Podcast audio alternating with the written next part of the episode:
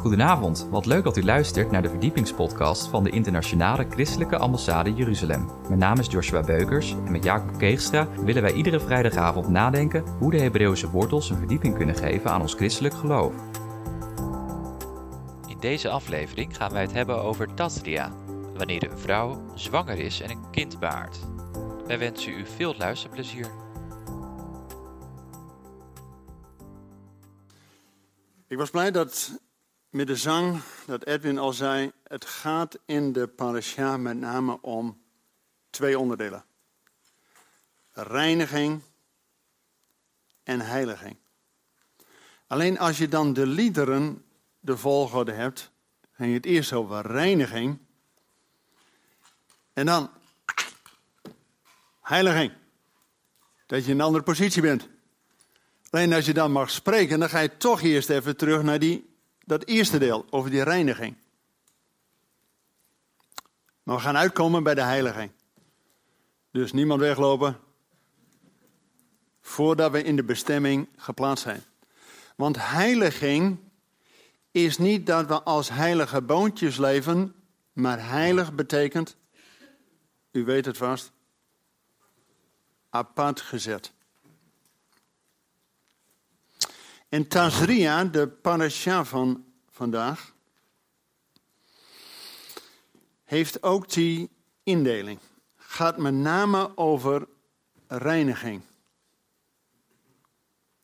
En door apart gezet te worden, gaat die reiniging verder.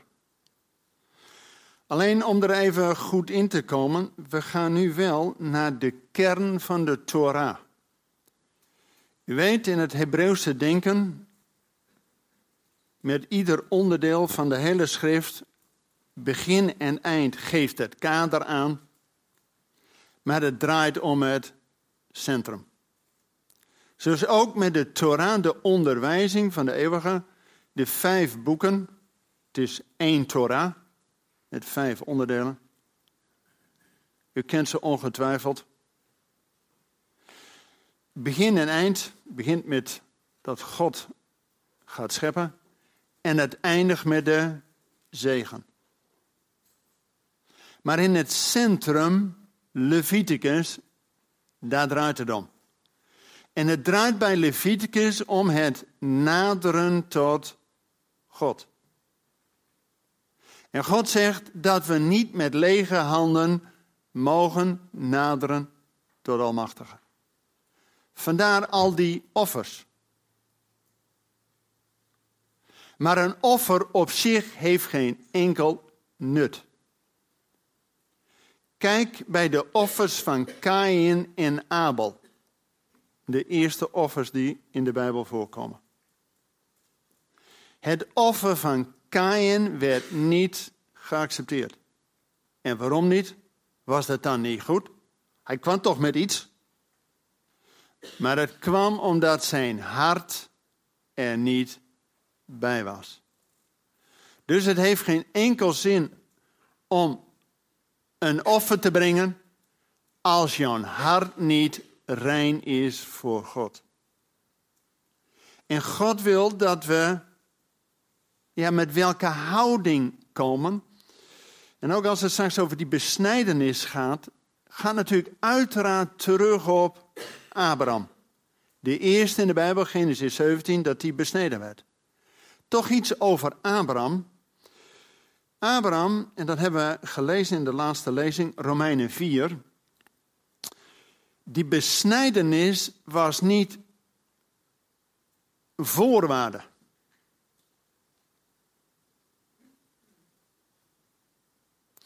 Die besnijdenis was geen voorwaarde om tot God te komen. Maar was eerder een gevolg. Wat was dan oorzaak en wat is gevolg? Nou, het is goed om dat even uit elkaar te houden. In Galaten hoofdstuk 3 zien we dat hele patroon wat God aangeeft. Het begint namelijk altijd bij God. Zoals Genesis, het begint bij God. En God roept Abraham. En Abraham gelooft God. Met andere woorden, geloof is altijd een reactie. Maar dan moet je degene die iets zegt, iets belooft, wel betrouwbaar achten. Anders kun je daar niet je vertrouwen, je geloof in stellen. Dus het begint altijd bij God. En dan is de reactie, ook nu, nog steeds als toen, de ene helft gelooft het en de andere helft gelooft het wel. Maar Abraham gelooft wat God gezegd heeft. En dat geloof van Abraham wordt door God juist aan Abraham toegerekend als gerechtigheid. Wat is gerechtigheid? Ook weer zo'n kreet. Betekent dat al zijn ongerechtigheden verzoend zijn. En dus wordt hij gerechtvaardigd, is hij een rechtvaardige, een tzaddik. Dus geloof heeft uitwerking. Dat je een rechtvaardige, gerechtvaardigd bent, wordt. Dus rechtvaardiging door het geloof. Romeinen 5, zie je er gewoon in. Maar daarna heeft God een verbond gesloten. Je sluit pas een verbond met iemand als je elkaar vertrouwt. Dat is nog steeds zo, ook in de economie. Als je elkaar niet vertrouwt, ga je geen contract aan.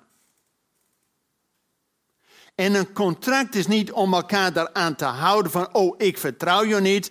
Je gaat pas een contract of een verbond aan, juist omdat je de ander vertrouwt.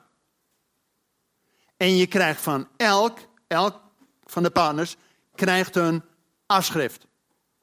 Vandaar als God ook zijn verbond sluit, later in de Sinaï, dat Mozes dus ook twee stenen tafel moet hebben. En dat is niet zoals vaak op allerlei plaatjes staat. De ene tafel staan de eerste vijf op en de andere tafel staan de andere vijf op. Nee, ze zijn beide identiek, beide aan twee kanten beschreven, maar de een was voor de koning, volk, en de ander werd in de ark gelegd als teken dat hij bij God hoort. Dus ieder krijgt een afschrift van het contract, van het verbond. Maar God ging bij Abraham ook al een verbond sluiten. En het teken van de verbond is die besnijdenis. En waar is die besnijdenis nou zo voor van belang? Betekent dat juist als de man besneden is, dat duidelijk is dat God ook zonder een man kan voortplanten. We hebben ook het gedeelte gelezen uit eh, Lucas 2, dat Yeshua besneden werd. Nou, Yeshua is verwekt zonder tussenkomst van een man. Dus besnijdenis laat zien, God kan het allemaal zonder ons. Maar als je vruchtbaar wilt zijn in het koninkrijk, dat je besneden bent, apart gezet bent en dan pas vruchtbaar voor de Heer. En die zeven dagen, die complete week, afronding. En u hebt al een vorige keer gehad over die achtste dag. Achtste is iets van de nieuwe periode. Iets van wat vanuit Gods kant komt. Vandaar ook die achtste dag is al een teken van die Hebreeër. Die van de overkant komt, die van Gods kant komt. Dus die besnijdenis of die achtste dag is, dat het een teken is voor het kind dat hij in het plan van God gaat werken. En dan die 33. Kijk, mensen, we leven nu toe naar Pesach. En al die offers en al die reiniging en al die heiliging had maar één doel.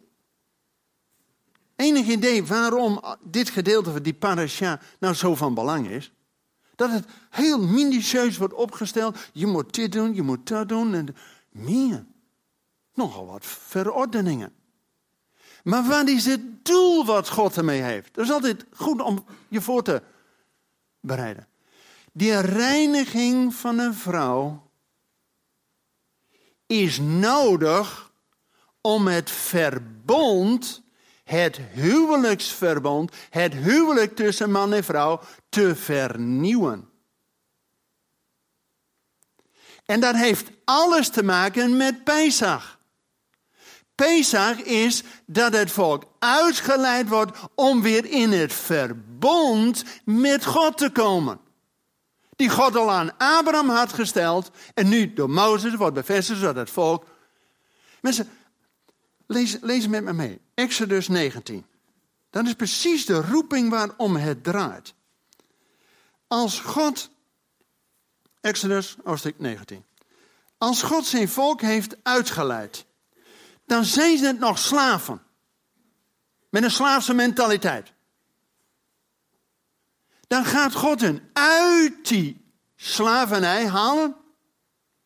En gaat hen naar een koninklijke positie brengen. Exodus 19, vers 7, eh, 6 en 7. U dan, u zult voor mij een koninkrijk van priesters zijn en een. hey, dan lees je dat weer. Dus God heeft met die uittocht een bedoeling. Niet alleen voor koningen en priesters, maar het hoofdstuk erop van de tien woorden, die helaas vertaald zijn met tien geboden, is een huwelijkscontract. Mensen, God heeft een huwelijk op het oog. God zegt niet voor niks, ik zal je uitleiden in de woestijn tot je hart spreken. In Jesaja 54 staat, uw man is uw maker. Met Pesach, welk feestrol wordt dan gezongen? Hooglied. Gaat toch allemaal over de trouw, de huwelijk tussen God en zijn volk. Alleen als Israël dan in het beloofde land is en vruchtbaar, vruchtbaar, tasria, betekent zij wordt zwanger. Dus als je vruchtbaar wordt, voordat je het weet, ga je God vergeten. En wat deed Israël? Die had geestelijke hoererij. Afgodendienst, Baals, noem de hele rattenplan maar op. Notabene dat God er een hekel aan krijgt. God gaat notabene in Hosea, hetzelfde, dezelfde naam als Yeshua, Hosea, God red. Maar in Hosea 2 lezen we dat God tegen zijn volk zegt, je bent mijn volk niet meer. Ik wil je man niet meer zijn. En in Jeremia 3 vers 8 staat dat God zijn volk zelfs een scheidsbrief gaat geven. Wauw. Nou, dan is het over en uit. En weet je, met het oude verbond, het eerste verbond, een huwelijk tussen God en zijn volk, als een van de partners overspel heeft bedreven, dan is het afgelopen. Dan zendt God zijn volk een scheidsbrief. En dan zegt Deuteronomium, dan mag je niet weer huwen met diezelfde. En nu komt waarom Yeshua moest komen. Ik denk dat u daar nog nooit een preek over gehoord hebt. Maar het nieuwe verbond is uiteindelijk om weer. Ja, wacht even. Yeshua moest sterven. Waarom? Zodat het oude verbond was afgelopen.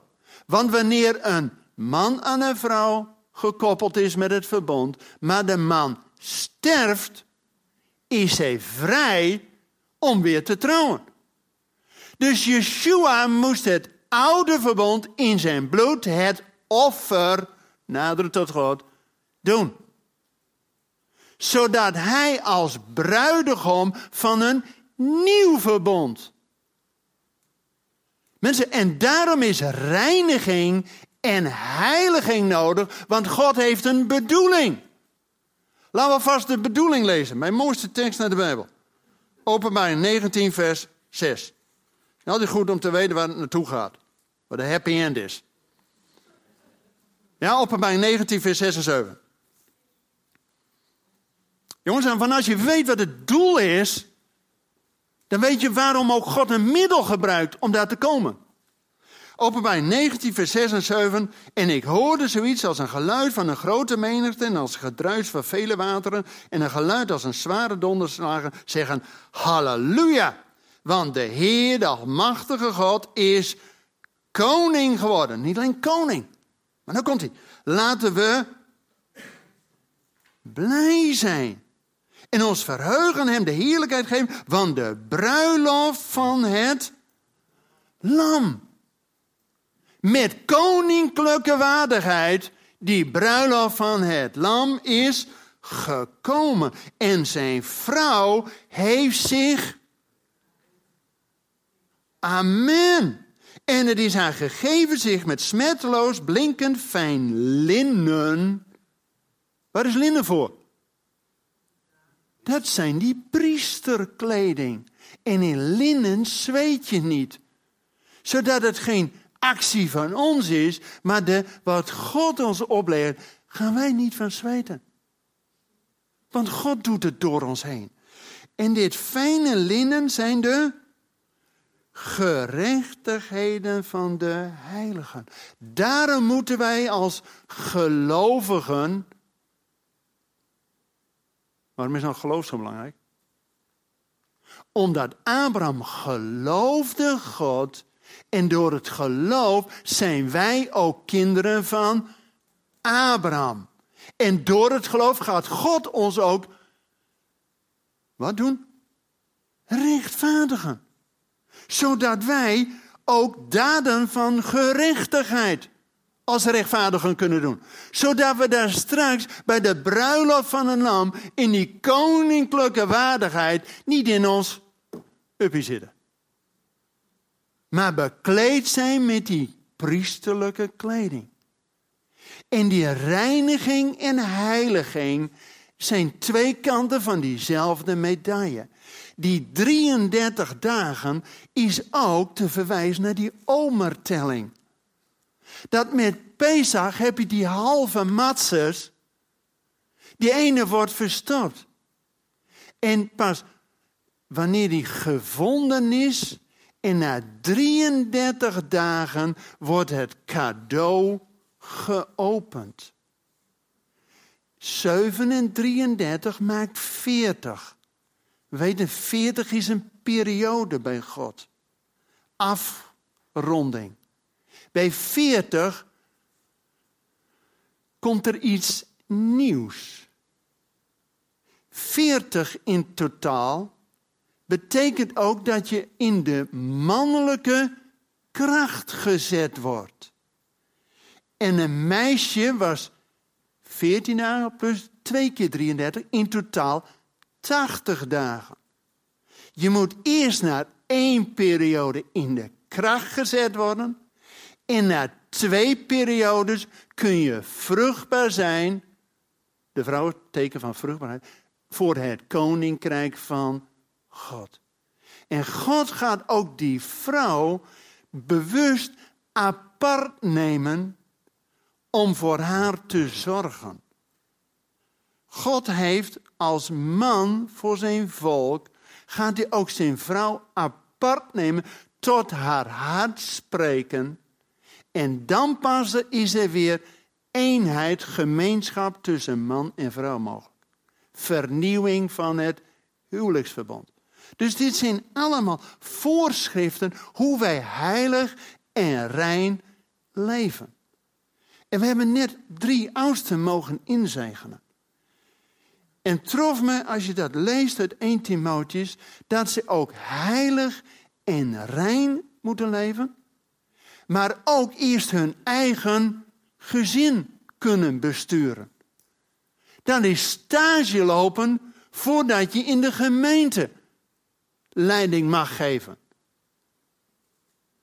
En het heeft ook voor ons diezelfde toepassing. Willen wij als kinderen van God, als gelovigen, die ook kinderen van Abraham zijn, delen in die belofte dat we besneden zijn van het hart, dan pas wil God en kan God ons in de kracht zetten om vruchtbaar te zijn voor zijn koninkrijk. Jongens, dat betekent allemaal besnijdenis van je hart. Nou, geloof heeft natuurlijk alles te maken met dat je niet op jezelf, maar op Yeshua vertrouwt. Mijn dooptekst was ooit Gelaten 2 vers 20. Met Christus ben ik gekruisigd en toch leef ik. Dat is niet meer mijn ik, maar Hij leeft in mij. En het leven wat ik nu nog doe, doe ik door het geloof van Hem in mij. Dus jongens, er is één die geloof heeft in jou. Hè? En wat is nou de toepassing voor ons? God wil in deze aanloop naar Pesach dat we niet leven zoals Israël van, oh, het is allemaal kommer en kwel. God wil ons daarvan reinigen, ook in onze mindset. Want, het hebt u misschien gelezen, ook de parasha voor volgende week. Dat gaat met name melaatsheid, dat is dus een uiterlijk onreinheid. Maar dat begint met kwaadspreken. Kwaadspreken is een van de grootste zondes. Hè? Daarom reinheid, niet alleen lichamelijk, maar ook in wat je zegt. Want woorden hebben kracht. Jongens, door het woord is alles ontstaan. God sprak in het wasser. Als wij als beelddragers van God een lichtend licht in deze wereld mogen en zelfs moeten zijn. Jongens, de wereld hunkert ernaar, hè? In de wereld is geen hoop. Maar dat betekent dat ze eigenlijk als een magneet naar de gemeente toegetrokken moeten worden als wij het licht willen zijn. Maar dat kan alleen als wij dus ook die mindset hebben van wegdoen van het oude, vernieuwd worden door de vernieuwing van je denken, zodat je mag weten wat het goede, het welgevallige en volkomen is, wat God wil. En God wil heiligheid. Wat, Exodus 19. Wees heilig, want ik ben is heilig. Mensen zullen daar eerst voor bidden. Ik kan me voorstellen dat als u denkt, ja, maar ik heb niet zo heilig geleefd. Dat je straks niet zomaar naar het avondmaal toe gaat. Ga eerst naar de oudsten voor pastoraat. Jongens, laat deze kans niet aan je voorbij gaan. Hè?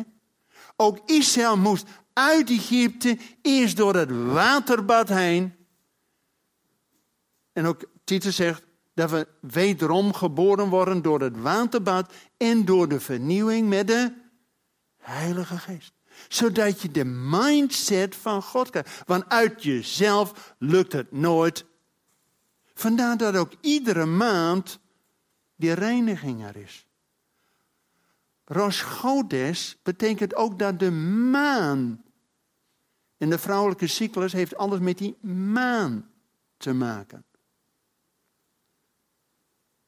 U weet, Tazria gaat over zij werd zwanger en baarde. Ik wil toch, toch één ding nog vertellen. Bedankt voor het luisteren naar deze verdiepingspodcast van de ICEJ. Waardeert u onze podcast? Steun ons dan met een donatie, abonneer u of deel deze podcast met uw vrienden of familie. Ga naar www.icej.nl. Volgende week gaan we het hebben over de geestelijke lessen uit de natuur. Een tweedelige serie. Volgende week volgt dus het eerste deel. Hartelijk bedankt voor het luisteren en tot volgende week.